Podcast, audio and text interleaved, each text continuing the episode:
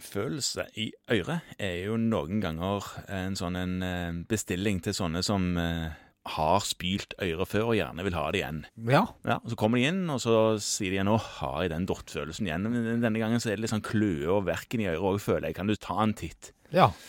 Så har du liksom et bilde i hodet om hvordan det pleier å se ut inni disse ørene. Ja. Ja, Og så ser du inn, og så ser det annerledes ut denne gangen. ja. Litt sånn rødt og hissig og litt sånn eksemaktig nesten. Og så vet du jo at huden er spent og er veldig tynn inn på knokkelen inni øregangen. Det er han. Sånn at dette her er jo ubehagelig. Så når du kikker inn, så er- sier han au Ja. i tillegg. For du driver og pirker borti med det otoskopet ditt? Ja, prøver Ja. å komme, få godt innsyn. Ja. Og dette er jo ikke Det var, det var jo ikke noe dott der inne.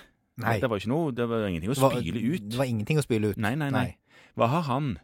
Nei, han, han, Det du tenker på nå, er nok eksternotitt, Det tenker var, jeg. det var det han hadde. Ja. Veldig vanlig tilstand. Ja, er det det? Ja, altså fire av tusen per år. Fire av tusen per år. Ja.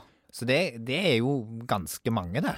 Du, du ser i alle fall en f- fire, fem, seks, syv kanskje Ja. på en snittlegeliste. Ja. Og, og de aller, aller fleste av disse er ensidige og akutte. Ja, så kommer plutselig på den ene sida. Ja, Så det finnes det noen sånne kroniske tilfeller, varer mer enn 6-8 uker, så kaller vi det kronisk, og da det er en litt mindre prosent av befolkningen, men det varer jo også da veldig lenge. Hvem er det som får dette, da? Er det, er det, astm- eller er det sånne atopikere som får det? Ja, De kan få eksem i øregangene som alle andre. Da er det mer en kronisk form. Akutte eksternotitter, som er en infeksjon, eh, der er det mest eh, barn og ungdom. OK, Så det forekommer mest fram til du er 20, sjeldnere etter det. men det kan komme etter òg. kan komme etter det. Altså, Ja. Det er gjort noen sånne insidenstall som viser at i gruppen eh, 5 til 9 så er det rundt 18 og i gruppen 10 til 14 så er det rundt 15 og så faller det litt utover. OK. Ja. Så det er jo en vanlig tilstand, og den er jo plagsom.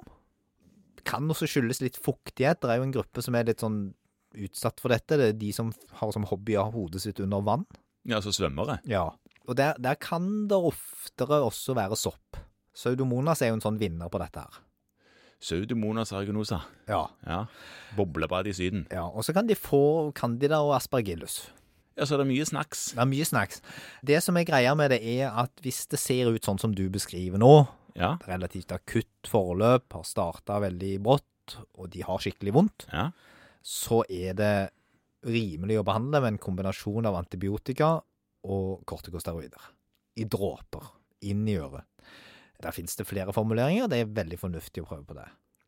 Så er det noen av disse her dråpene som er ototoksiske, som vi skal være forsiktige med hvis det er perforert trommehinne. Ja. Det har jo disse her klassisk ikke, da. Det har de jo vanligvis ikke. Så Men hvis, bare men det er en hvis du obs. ser på en måte at det er hull i trommehinnen og kan på en måte se rett inn på hørselnerven, Ja, da ser du godt og langt, Ja. men ja. så, så ikke gi de. Men, men hvis dette da ikke hjelper, Mm-hmm. Mhm. det hender det jo at det gjør at de da kommer tilbake igjen og sier at dette ble ikke noe bedre i det hele tatt, ja. så må man da vurdere å ta prøver. Ta baktus. Ja, Det er ikke nødvendigvis noen idé å ta baktus med en gang de kommer der første gang, osv. med en gang. Baktus og soppus. Nei. Mhm. Fordi at de aller, aller fleste blir bra på første forslag til behandling. Ja.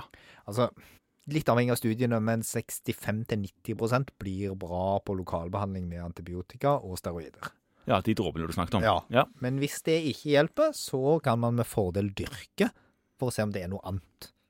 Ja. F.eks. sopper av litt ymse slag. Da må man jo ha noe lokal soppbehandling eller noe sånt. Ja, for da, da behandler man mer målretta. Det gjør man det. Mhm. Eh, Så fins det et sånt kjerringråd som du kanskje har hørt om, hvis du har litt sånn vedvarende plager. Eddikrådet. Ja, eddikrådet, ja. Ja, det er lurt. Ja, da er det ikke vanlig eddik. Da skal du tynne det ut.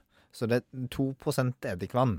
Ja, Så du t- får tynne ut den syv prosenten du har i Ja. skapet. Jeg Eh, anbefaler at du koker opp vann, da, enten i en gryte eller en vannkoker, og så kjøler den ned igjen til romtemperatur eller kroppstemperatur. Helst kroppstemperatur, ellers så blir man jo grusomt svimmel når man driver og spyler dette inn i Levende øret. stagmus. Ja. Ja. Og så har man i tre deler vann og en del vanlig 7 husholdningseddik. Mhm. Og så skyller man da hver andre til tredje dag for å på en måte holde dette borte. Det virker veldig effektivt desinfiserende og har hjulpet mange. Det Holder øregangen ganske tørr, den kyllingen der. De gjør det.